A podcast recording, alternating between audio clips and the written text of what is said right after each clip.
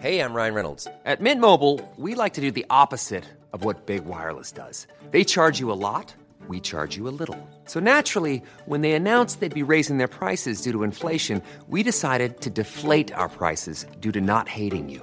That's right. We're cutting the price of Mint Unlimited from $30 a month to just $15 a month. Give it a try at mintmobile.com slash switch. $45 upfront for three months plus taxes and fees. Promo rate for new customers for limited time. Unlimited more than 40 gigabytes per month. Slows. Full terms at mintmobile.com. Here's a cool fact a crocodile can't stick out its tongue. Another cool fact you can get short term health insurance for a month or just under a year in some states. United Healthcare short term insurance plans are designed for people who are between jobs, coming off their parents' plan, or turning a side hustle into a full time gig. Underwritten by Golden Rule Insurance Company, they offer flexible, budget friendly coverage with access to a nationwide network of doctors and hospitals. Get more cool facts about United Healthcare short term plans at uh1.com.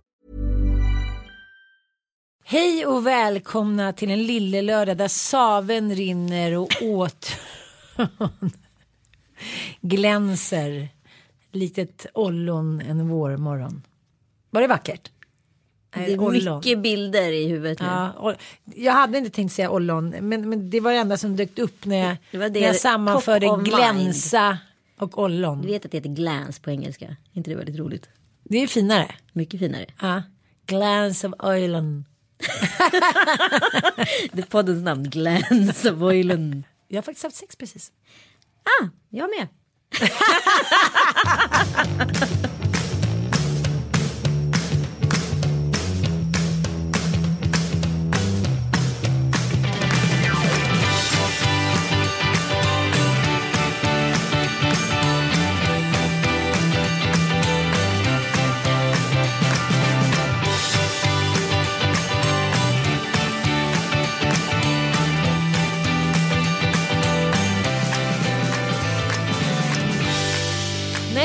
Prata lite om sex och snusk och eh, liknande saker idag. Det är ju vår. Ja. När blev du av med oskulden? Ja, det var alltså på jul... eh? Afton. Med Jul, tomten. tomten kom in i rum. Nej, det var på julavslutningen i skolan med min pojkvän Martin. På julavslutningen? Ja, och det här var alltså då när jag skulle fylla, eller hade fyllt 14. Ja. Jag kommer inte ihåg, eller var jag 13? Jag kommer inte ihåg.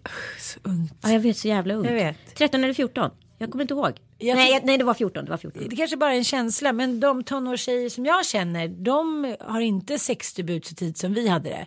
Och de är också väldigt noga vem det är som får ta deras oskuld och de har liksom ingen längtan efter att bli av med. För oss var det ju mer en så här en liten game.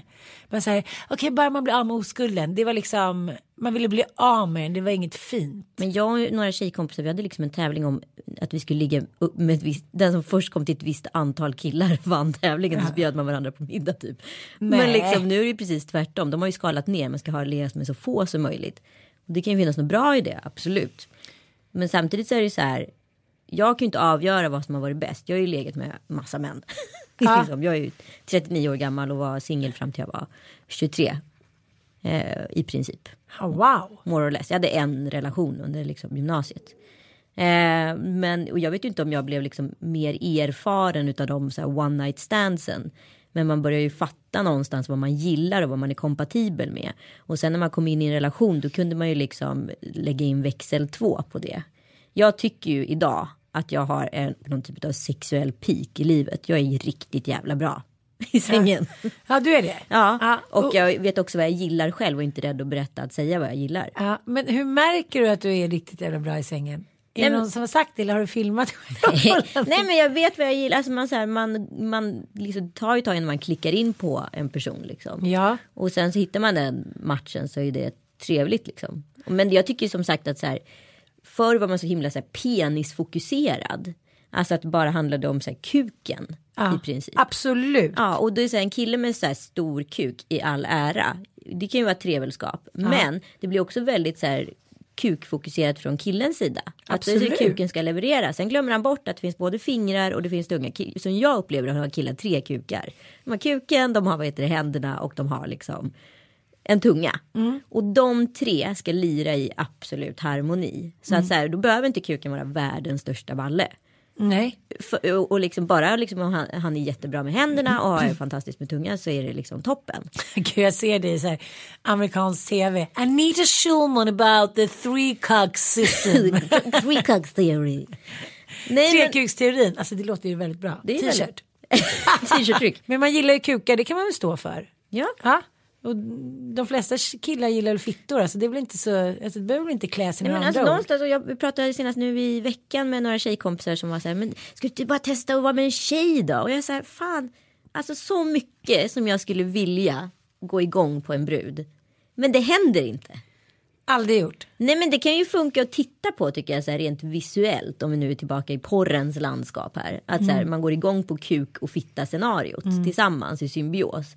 Men det är inte så att jag någonsin skulle ha valt att frivilligt kolla på så här flat sex för att så här, det där verkar spännande eller sådana saker. Det, det händer ingenting. Nej jag fattar, jag fattar.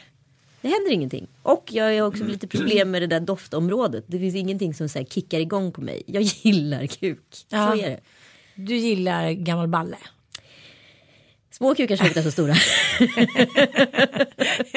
Jag ser det så här. Och jag skulle vilja se en sån film där du sitter i typ i din röda Gucci-klänning. Så går de bara förbi. Alltså du, varför blir det mycket tjusigare i mitt huvud när män defilerar förbi dig nakna? Än när man tänker sig att en snubbe skulle sitta och tjejer defilerar förbi. Är det orättvist att jag tänker så? Nej du, Har vi tagit över mannens feminism också? Att så här, allt mannen gör är snuskgubbe. Fakt- Det är faktiskt lite så. Förstår du vad jag menar? Men handlar inte det också om så här, förlåt mig, nu vill inte jag bara vara så himla så här, så är det. Utan så här, jag tror det handlar om så här, ålder, mognad, allting sånt. Att man så här, det vore konstigt ifall jag skulle svassa förbi massa män naken i din fantasi. Ja. Förstår det är, du? Ja, det är sant. Det är Ja, sant. och jag tror inte jag ser dig svassa förbi massa män naken i min fantasi heller. Eh, jo. Jo. Det kan- Det kan hända. Nu är hundar där också, Ja, Tommy på korvkiosken. Det är Leffe nere på hörnet.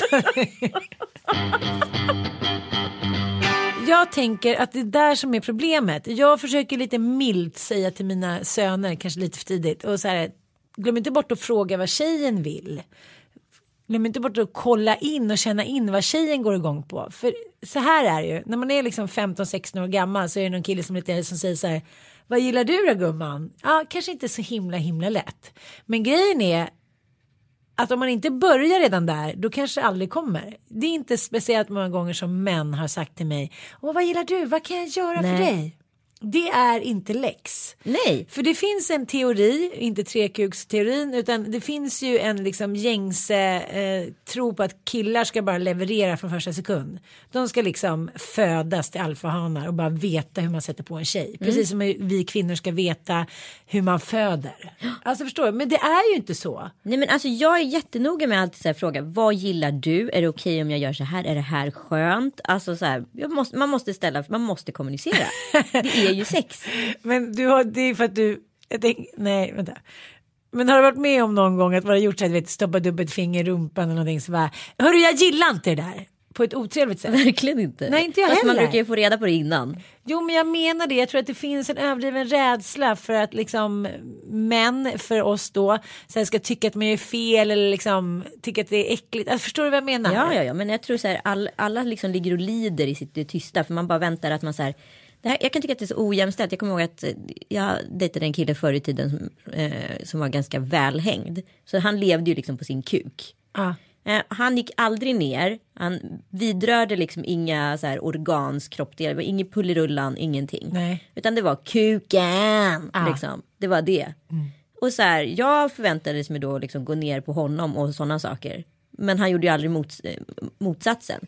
Och jag liksom försökte väl, vågade väl inte vara lite för ung så jag vågade väl liksom inte så riktigt säga till. Nej. Men, men liksom, det är ju oftast där det brister, att man inte kommunicerar det. Så går man runt och är besviken hela tiden, trots att man har sex. Jo, jag vet, men den kärleken och det sexet blir ju väldigt icke-sinnerligt. Ja, men det blir, ju, det blir ju ingenting mer än själva ligget. En sån relation kan ju aldrig växa till något vackert. Nej, Nej, jag tror att det är därför jag har ganska svårt att titta i ögonen när jag hånglar eller har sex. För att det är så få män som har frågat mig vad jag tycker är liksom härligt. Utan de har så här kört på med sin grej. Lex storsvulstarna liksom. Ja. ja. Och eh, det är också någonting som händer när man har varit gravid och liksom man får en annan kropp och den liksom kroppssjälvkänslan så här dippar lite. Det sexuella, vissa får mycket lättare orgasm, vissa får svårare. Alltså det händer ju en massa grejer som man inte är beredd på. Men alltså jag, är typ jag är på inte någon typ av sexpeak. Alltså jag tycker jag har så jävla trevligt just nu alltså. Ja, Ja, det har aldrig haft så här bra sex i. Kul för dig. Ja, tack, tack. Jättekul. Jättekul. Men det är också svårt att veta. Eller det är inte svårt att veta. För du vet ju att jag inte tror på det där. Ah, men jag tycker ändå liksom, vad kan man kräva i relation? Vad kan man kräva i ett sexliv? Vad kan man, man kan för fan kräva allt, allt, allt. Så svårt är det inte precis som du säger att fråga hur vill du ha det? Hur känns det nu? Men jag tror att män är väldigt osäkra. Det är lite fortfarande Madonna, horan, liksom inställningen till kvinnor. Efter vi har fått barn, ja, hur ska man då ta sig an kvinnan? Nu är ju hon mamma. Jag tycker det finns en rädsla och osäkerhet hos männen där ute. Ja, ja, det beror ju på vilka man träffar. Men liksom, Jo, ja, jo. men det gör ju. Men, Papporna då? men det som har skett måste jag faktiskt ge så här 50 shades of grey. Alltså själva grejen är ju, allting handlar ju om att hon så här utforskar, om man nu skulle bara ta bort allt så här kinkiness, bla Ja. bla bla.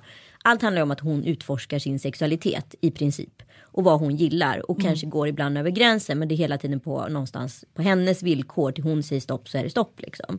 Eh, och där, jag menar så här, det är ingenting som motsätter sig längre tycker jag. Att, så här, att vara lite dirty i sängen, om man nu gillar det. Det betyder inte att du är en sämre människa liksom, på stan. Det betyder inte att du är lite dirty hela jävla tiden. Men jag tänkte på det, ponera att du skulle träffa Mr Grey. Och eh, ja, men han skulle ja, fråga om du ville ställa upp på de här grejerna. Ja, men det skulle vara en helt annan typ av relation, förstår du? Då skulle ju det vara en absolut sexuell relation. Ja. Eh, som bara innefattar, för det jag tycker de rör ihop i Grey, det är att det blir känslomässigt. Så Ja. fort det blir känslomässigt, då går det inte att vara sådär hård och kall. Nej. Går inte att spela rollspel på det sättet. Det kan man göra med någon som man har liksom som uppdrag att här, sätta på. Precis, för de tjejkompisar som jag har som eh, har testat det där. De säger att det blir liksom inga känslor. Nej, för det blir ju kliniskt i slutändan. Och det är ju klart att så här, det kan vara lite raffligt och spännande någon gång. Liksom, men så mycket mer än så är det ju inte. Jag vet inte, jag blir sämre och sämre. sämre. Men jag, vet dömer inte de som håller på med det. de Nej, att jag vet, jag vet, men det kanske också är för att man är småbarnsmamma och är så trött. Problemet med människan tror jag att man är alltid på den nivån som man är just nu. Mm. Man har svårt att se framåt och tillbaka utan det är att så här, just nu tänker man att så har det alltid varit. Mm, men så är det ju inte. Men så är det ju inte. Nej. Utan det finns ju en tid för allt men då måste man också hitta någon som kan garva åt det där, förstår du vad jag menar? Ja. Jag skulle aldrig, nej, jag skulle aldrig kunna vara, vad heter det, vad heter det, kuvad eller under eller Alltså att du blir master. dominerad. Underkastad. Ja men minidominerad kanske någon minut här och där, men liksom hålla på i timmar spel. Jag bara, nu kommer Nej, men jag jag tänka är- på Frankrike. Han bara, nu var det nu med den där lilla nallebjörnen. Nej, men jag tycker också att som kvinna, även fast man blir äldre så lägger man alltid in en värdering i mannens orgasm. Och jag är så trött på mannens orgasm. Om mannen inte levererar då tar man på sig personligen. Liksom allting som har så här, med barn, med sex, med allting som är liksom vårt biologiska. Det tar ta mig fan vi kvinnor på oss om inte det stämmer. Ja men också så här förstår du liksom tröskeln av att driva av det här sexplåstret. Efter man har varit i relation så länge. Att så här, man tänker på riktigt. Jag satt ju i januari och tänkte här, jag kommer aldrig kunna ha sex med någon annan. Hur ska det gå? Hur ska det gå? Hur har vi inte alla suttit där Ja. och sagt vi kommer aldrig kunna ha sex Du med sa en ju det annan. till mig i Ja. Kenya. Det är så jävla roligt. Sen bara, ja det gick visst tiden ganska bra. Jag sa ju också ungefär vilken tidsrymd. men det är också samma sak att det känns lite jobbigt. Om man själv skulle separeras tänker man så här, men gud han skulle nog inte bla bla bla. Jo. Och det är också en tröst i hösten. Att så här, jo någon gång, kanske ta en månad eller ett år. Så sitter man där med liksom guppande mage och liksom myror i benen och fjärilar i huvudet och bara så här vill skrika ut att man vill knulla med någon. Och eh, det är faktiskt helt fantastiskt. Mm, att det funkar. Men det måste ju ändå kunna gå och göra det med pappan till sina barn. Absolut. Men det krävs ju lite mer. Japp. Fyra sekunder, underbart kort. Underbart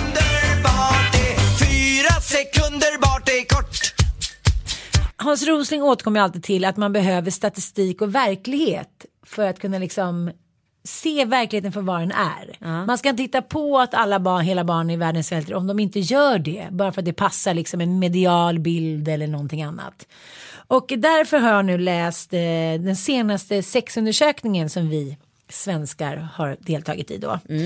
Och det är då härliga gamla pålitliga RFSU som har genomfört den. 4200 personer har deltagit och de har delat med sig då av sina sexliv.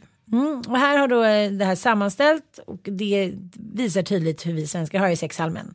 Och då tycker jag i alla fall att det här är ganska intressant. På fråga nummer tre, så nöjda är svenskarna med sitt sex? 44 procent har svarat att de är nöjda med sitt sexliv. Men 31 procent går runt och är missnöjda. Och vad är det då inte vi är nöjda med? 72 procent tycker inte att de har sex tillräckligt ofta. Och minst inverkan på nöjda vi är med sexet är orgasmen. Men här kommer det igen. Folk kommunicerar inte. Nej, men 72 procent tycker att de har för lite sex. De ligger där i sänghalmen med någon de åtrår och tydligen vill knulla med. Och ändå så liggs det inte. Nej, det... Det stör mig. Ja, men det är det här som jag blir helt galen på med relationer. Nu när man inte har en relation eller en riktig relation så är man frustrerad för att man inte har det. Sen när man är i relation så är man frustrerad för att man är i en relation och är missnöjd. Alltså var, eh, vad ska vi vara? Men ingenting är tydligen bra. Det är där jag tror att vi får skärpa till oss. Var nöjd där du är. Ja men alltså i sådana fall. Och problemet är att jag tror att folk i grunden kanske inte riktigt vet vad de vill här. Nej, det är sant. Så att så här, det är svårt, och- det är lätt att vara missnöjd med någonting man själv egentligen är osäker på med sig själv. Mm, Men så återkommer vi till det där med stress och oro och det som jag tycker att de flesta männen verkar ha blivit jättedrabbade av. Eh, I det här nya, mer jämställda systemet som faktiskt vi svenskar lever efter. För hela 30% uppger att det är det som är största problemet. Jag menar, du vet, hämna, hem, ja, du vet, hämta, lämna på dagis, vem som ska göra vad hemma, bla bla. bla. Och 23% tycker att dålig självkänsla har stor inverkan på sexlivet. Ja, men det är väl klart att det avsexualiserar ett scenario. Eh, såklart. Och det blir lite force man gör under småbarnsåren. Men småbarnsåren är tre år typ. Sen börjar liksom saker och ting vända. Men jag förstår att alla människor inte håller ut under den tiden. För det är ett ganska lång tidskapsel. Tänk om du var ihop i tre år innan. Innan du skaffar barn. Och så skaffar du barn. Och så är det helt plötsligt tre år som du bara inte ska i princip vara med din partner. Men då undrar jag, är det bättre då att som jag och Mattias inte han, liksom, vi hann inte uppleva något så sprudlande sexliv direkt innan jag blev gravid. Är det kanske bättre då? Ja, men du kanske har någonting kvar att upptäcka sen. Ja, det är sant, det är sant. Men, men, samtidigt så får man, jag tror att vi svenskar har ganska svårt att skratta åt oss själva i sådana här situationer. För om vi bara kunde göra det lite mer under småbarnsåren, då skulle liksom mycket färre par skiljas tror jag. Jag tror tjejerna tar på sig att de får dålig självkänsla, läckande bröst, de känner sig inte som den sexuella varelse de var innan. Männen vågar inte närma sig kvinnan och hennes nya sexualitet. Alltså, det liksom fastnar i varandra, alla hämmas av varandra. Kliddrig klitt. Ja. Och så slutar med att folk är otrogna. Ja. Och 90% av all otrohet, eller vad man ska säga 95% av all 99. ja, 99, måste ju ske under alkoholens influenser. Ja. Eh, 62 anser, procent anser att man är otrogen om man har webcam-sex. Oj.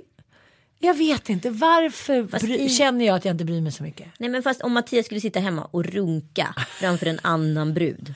Okej då. Ja. Men porrsurfa är 13 procent som tycker, det tycker inte jag.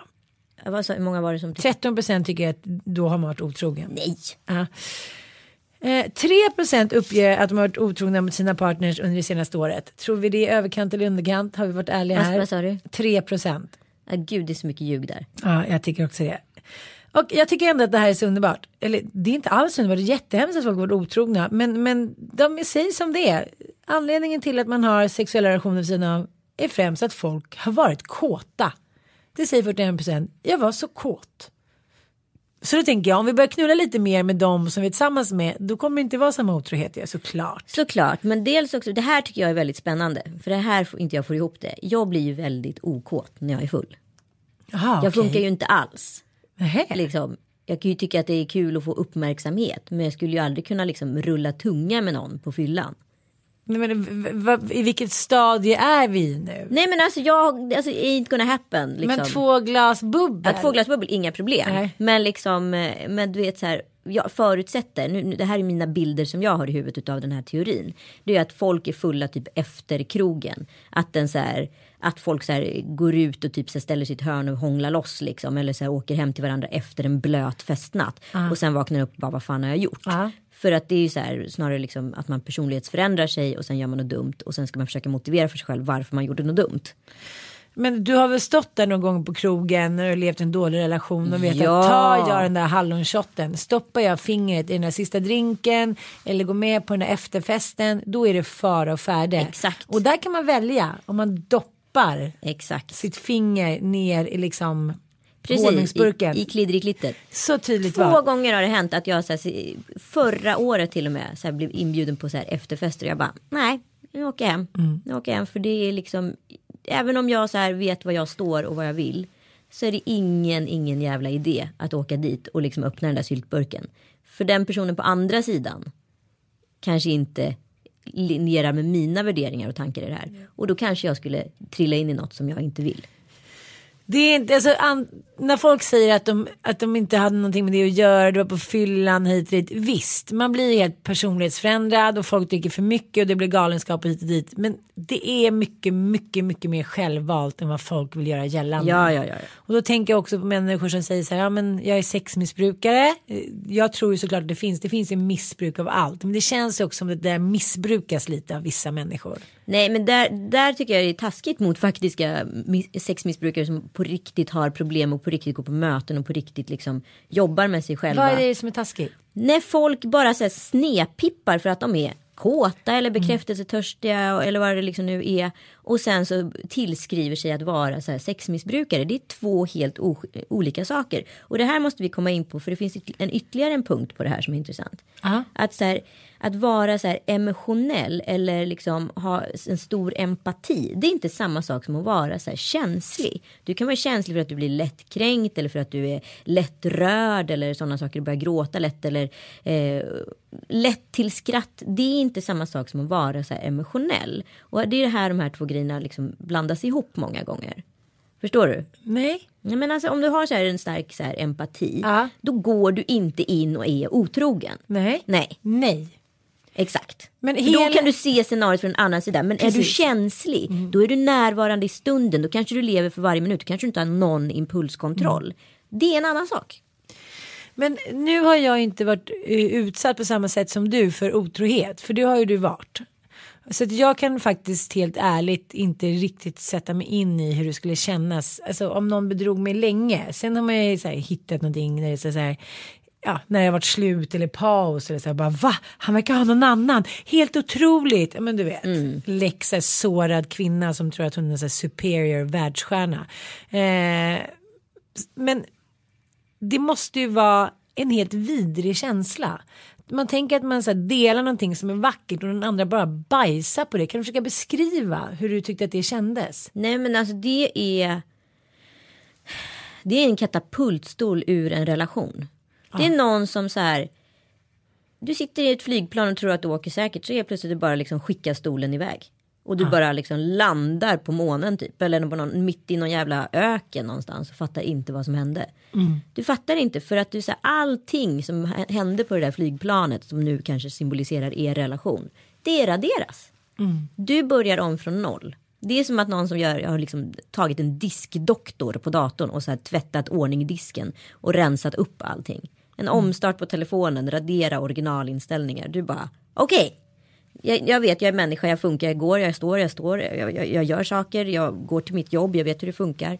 Men du vet ingenting annat. Det är ett sånt chocktillstånd. Och sen det, alltså, det har tagit mig så jävla många år att ens tänka positiva tankar om mitt ex. Det kanske tagit så här sex år innan jag började komma ihåg något kul vi hade. För allt raderas. Men jag kan inte förstå varför har man en relation vid sidan om i flera år när man inte ens har barn tillsammans med den personen som i ditt fall. Ni, hade, ni hade liksom egentligen, ni var tillsammans av eget fritt val. Ni hade ingenting, ni hade en lägenhet tillsammans. Jaha okej, ja det kan man väl ha, det har väl många människor.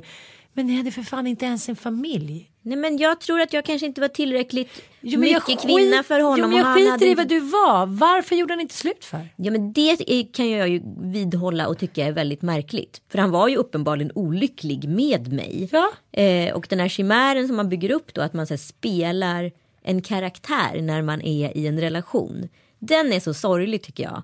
För den är uppenbarligen oly- lyckligare med den andra kvinnan. Istället så går alla tre runt och är olyckliga. Fyra om jag får be. Hon hade ju en man också. Ja, alla fyra går runt och är olyckliga. Jag fattar inte. Tycker det är så ofta som jag tänker så här, men varför gjorde hen inte bara slut? Och, och, ja, men liksom, jag förstår att det är svårt och svårare hit och dit. Men i vissa fall så får jag liksom, jag får inte ihop det. Då måste det bero på att det är jävligt spännande också. Ha en tantalora eller gubbalora som sitter i båten och sen få köra liksom lite vid sidan om med hissar och leka kaniner och liksom att det är så jävla spännande där och stoppa liksom fingret i syltburken. men- jag, kan, jag vet inte vad, ska, vad, vad finns det annars för orsak? Nej, men- Fega jävlar. Ja men det är ju det. Dels är det väl det. Sen så tror jag faktiskt att människor tänker är så dumsluga. För man är uppe i sin själv och sin egen hjärna. Och man bara, om vi gör det här schysst. Då blir ingen sårad. Alltså att man lurar sig med det spelet. Om vi sätter ett datum och avslutar det här samtidigt. Då, då, då är ingen sårad och då får vi en schysst exit. Och sen så kan vi bara låtsas som att vi träffades tre månader senare. Ja, jag fattar. Jag Ja, fattar, jag men så fattar. tänker man så all, att man vill ha ryggen fri åt alla sätt fast det bara liksom det slutar med att det blir absolut typ överlagt mord och Mm. ännu svinigare på alla sätt och vis. Men jag tycker också ofta att det känns som att de flesta som är otrogna vill bli påkomna. Men det är ju ett rop på hjälp. bok. Så här, jag vet inte, jag tänker att om jag nu skulle vilja vara otrogen så skulle jag vara så jäkla mycket slugare än de flesta är. Ja, jag ställer fram kandelabrar helt plötsligt fast jag har aldrig tänt ett ljus hela mitt liv. Lex otrogen. Eh, helt plötsligt så börjar jag göra sushi-rullar hemma. Så nu har vi wasabi i kylskåpet. Man bara, lex otrogen. Alltså, Fast det där är också så här, det här är ju män och kvinnor väldigt olika. Jag hör ju, jag kan ju läsa av en otrohet på tre sekunder. jag med. Men du vet det handlar ju om vokabulären. Helt plötsligt dyker nya ord upp i den andres vokabulär som hen aldrig sagt. Ja. Alltså man bara säger Serenity. Var fan kom det ifrån? alltså det börjar liksom dyka upp så här jävligt mycket knasiga begrepp som man bara så här. Vad fan var det som hände nu? Men sen har jag kompisar som har levt med otrohet i typ 15 år. Ja. Tröstat mannens älskarinna. Mm. Så det blir också ett medberoende och ett missbruk. Ja men det är det ju. Men Ja. det är ju allting. Alltså så här, folk jackar ju in på konstiga grejer. Och det tycker bara att det är så sorgligt. Jag tänker tiden om jag skulle förlåta Matti som han var otrogen. Och jag vet inte. Men jag skulle tänka på det väldigt många gånger. Inte själva liksom stoppa in den bla bla bla. Men mer så här skeden efteråt om det skulle bli blicken. Ah! Du är otrogen därför- jävel. Därför sällan så trekanter slutar bra om, i relationer. Nej, När folk blir liksom svartsjuka på varandra. precis. Mm. Nej, Inte för att jag har gjort det men. det vet jag att du har så behöver du inte liksom sticka under stol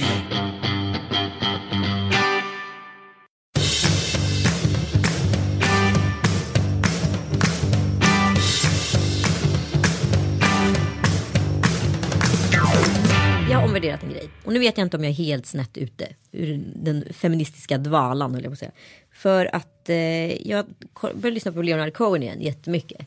Eh, Lyssnar väldigt mycket på musik igen. Musiken har liksom kommit tillbaka till mig. Klassiker, Ja. klassiker. Eh, Det säger alla som är nyseparerade. Helt plötsligt kom musiken tillbaka. Eller kom. ja. För många har ju varit avgörande i en skilsmässa att höra viss musik. Nej, men det är alltså, vackert. Ja, alltså så här, Ryan Adams eh, 1989 skivan, alltså hans Taylor Swift coveralbum. Oj, oj, oj. Och sen så har vi ju Thomas Andersson, vi spökar. Och sen så är det Leonard Han lovade ju Cohen. mig där på Teatergrillen förra lördagen att han ska sjunga gratis på mitt bröllop. Åh fan. Så nu eh, glömmer du inte bort det Thomas. Nej, Tompis.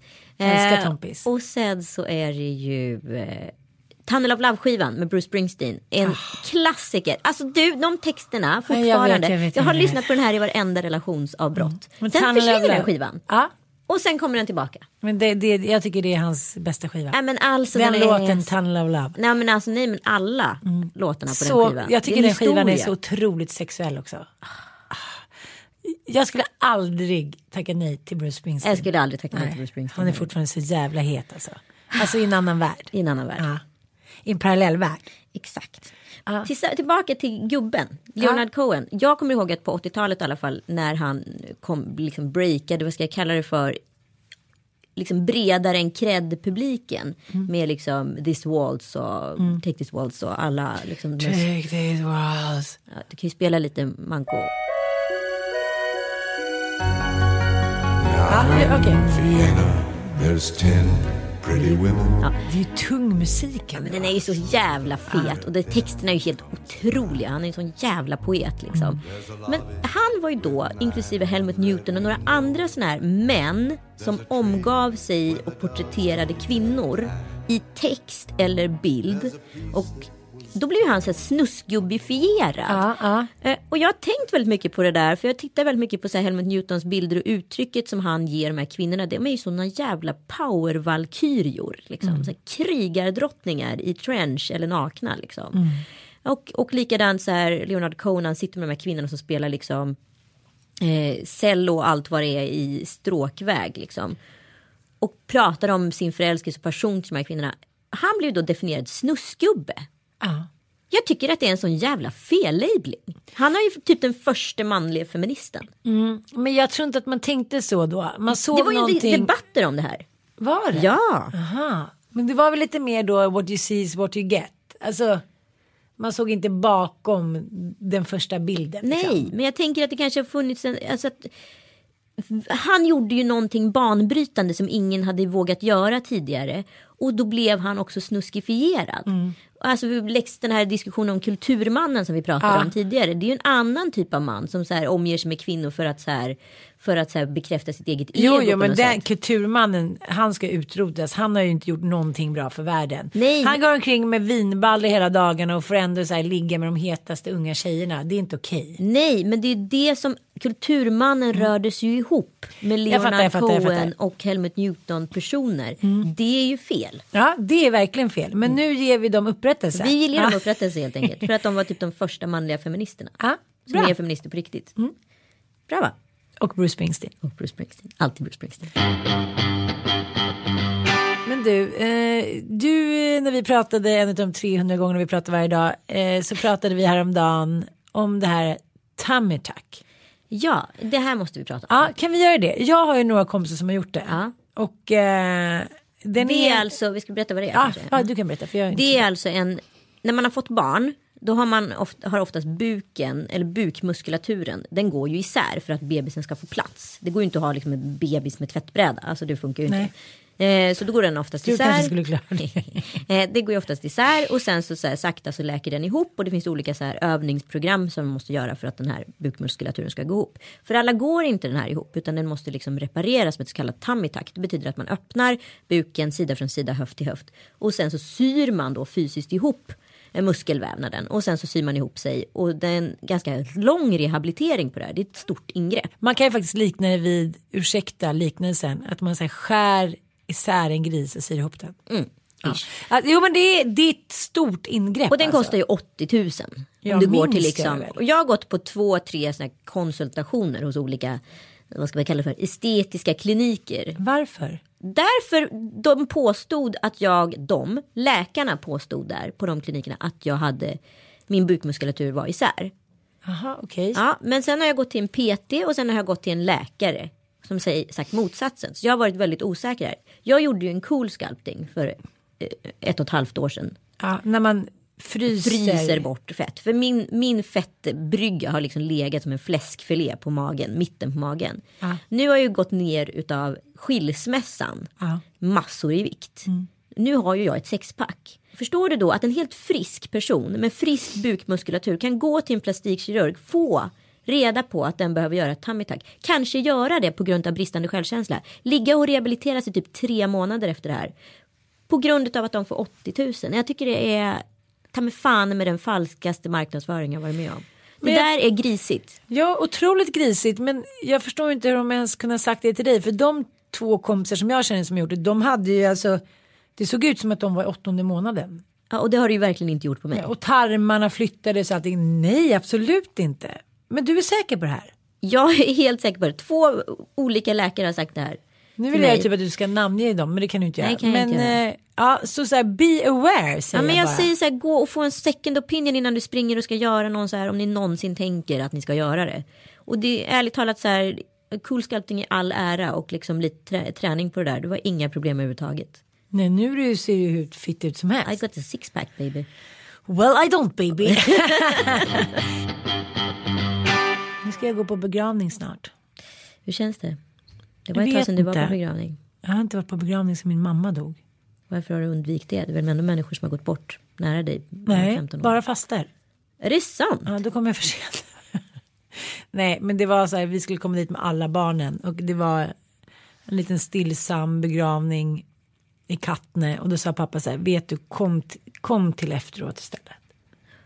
Du behöver inte ta med alla barnen in dit liksom. Och, nu när jag pratar om det låter lite skevt, men det var så det blev i alla fall.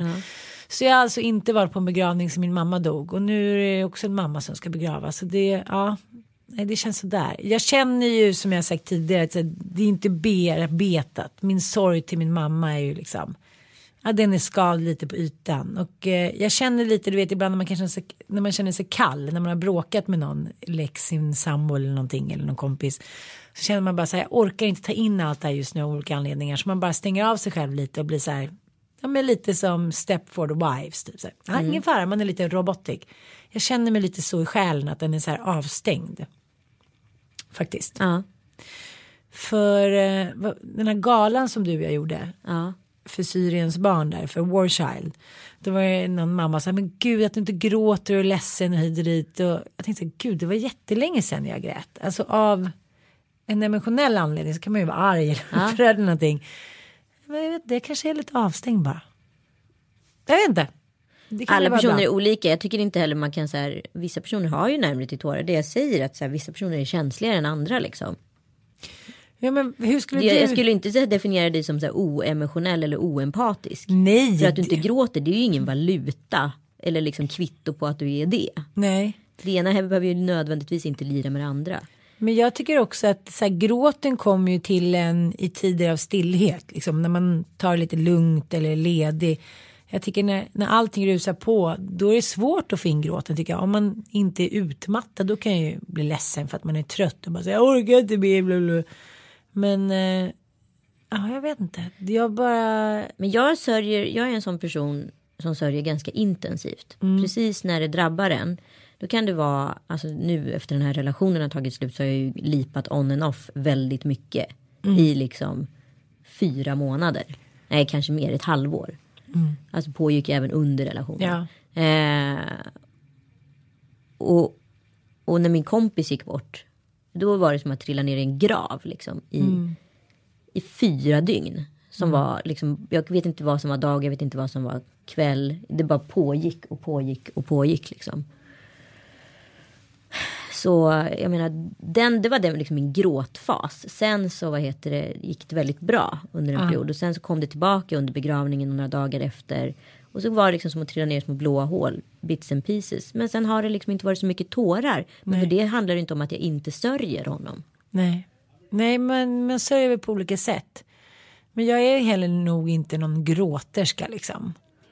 Nej, det skulle inte jag definiera mig själv Nej. heller som. Nej. Sen så märker jag ju att ju äldre jag blir, ju lättare har jag ändå att så här, vara bekväm med att faktiskt sörja. Mm. Pratade med en kompis häromdagen som var så här, ah, jag ska på eh, en släktings begravning, ja, jag kommer inte gråta. Att man redan hade bestämt det långt Men det är för innan. Barcelona. Alltså. Nej men för att så här, det kanske handlar om en rädsla att stålsätta sig från tårarna. Ja, jag fattar, jag fattar. Att, att, det, att tårar är så jävla läskigt ändå för många personer. Men jag älskar tårar. Jag älskar när människor kan gråta och våga visa det där. Jag kommer ihåg. Men det handlar väl mer om sig själv och självkontroll, att tappa ansiktet. Och... Absolut. Alltså, Fast det, det tror inte jag att jag har. Utan jag kan gärna gråta. Och liksom, ja, men för något halvår sedan hade jag någon period när jag grät väldigt mycket och hitan och ditan. Men eh, det är också när man ser sina män gråta. För män är ju uppfostrade till att inte göra det så ofta. Nej. Det tycker jag är så här. För mig är det nästan som att se så här, Jesus kommer ner på jorden. Man bara, han gråter. Eh, vad ska jag göra nu? Jag kanske såg mitt ex gråta tre gånger på 13 år kanske. Ja. Och då tyckte jag det var helt så här världsomvälvande. Mitt hjärta bara så här, svämmade över. Och jag tyckte att det var så otroligt vackert. Och jag kanske har sett Mattias också gråta ja, en, två gånger. Jag tycker det är så otroligt befriande också. Jag så här, Förstår du vad jag menar? Att det är så här, visa lite på sitt innersta. Jag hade ett riktigt sammanbrott när Mattias och jag var nykära och vi var nere och surfade i Galicien.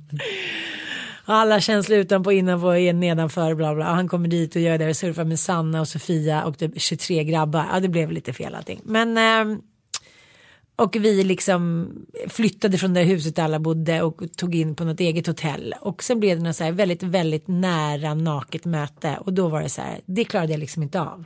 Vad, vad var det som hände då? Nu säger du ju liksom en, eh, 10 procent utav, du måste ju ge hela scenariot. Nej men jag tror så här att jag kanske ger av mig själv en relation. Men jag, jag, det där riktigt innersta, det har jag lite svårt att ge. Men dels för att jag har varit i relationer som liksom inte har varit sunda. Och dels kanske för att jag inte har sörjt min mamma. Dels för att det liksom har varit en hel del skit. Jag är så här, jag har blivit ganska tuff. Jag kan känna det. Jag har blivit liksom, jag har en liten yta av tuffhet liksom. Och helt plötsligt när vi låg där och hade sex och jag fick massa orgasmer och allting var väldigt så här ungt och nära och fint hit och dit. Då, liksom, då krackelerade det och jag var inte alls beredd på det. Nej. Och jag blev liksom livrädd. Och bara grät och grät och grät. Och Mattias, vi känner inte varandra så väl. Han bara, ingen fara älskling, ingen fara. jag vet inte vad det är. Jag känner att jag var liksom kanske mycket mer sårbar. Om vi säger för 20, jag träffade Nanook, hur gammal var jag då? Runt 27. Men att jag liksom under tiden på något sätt är så här, för att orka med har lagt på mig ett skal. Jag skulle vilja liksom ner lite till det där sårbara igen. Jag skulle tycka det var fint. Ja. Det kommer du komma. Jag känner att du har det i dig. Jag drar med dig ner. Jag har ju dragit med dig ner ett par gånger. Det är bara att ringa. Jag lovar. Jag är där. Tack för att ni lyssnar. Tack för att ni lyssnar. Vi tycker så mycket om er. Vi är så glada Ja, att ni tycker om oss också. Puss älskling.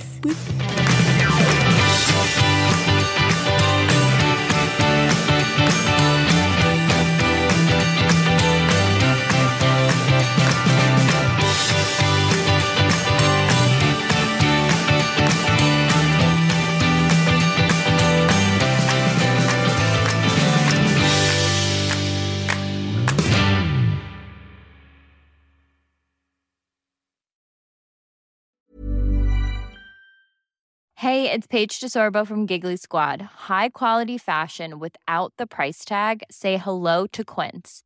I'm snagging high-end essentials like cozy cashmere sweaters, sleek leather jackets, fine jewelry, and so much more. With Quince being 50 to 80% less than similar brands. And they partner with factories that prioritize safe, ethical, and responsible manufacturing. I love that. Luxury quality within reach. Go to quince.com slash style to get free shipping and 365 day returns on your next order. Quince.com slash style.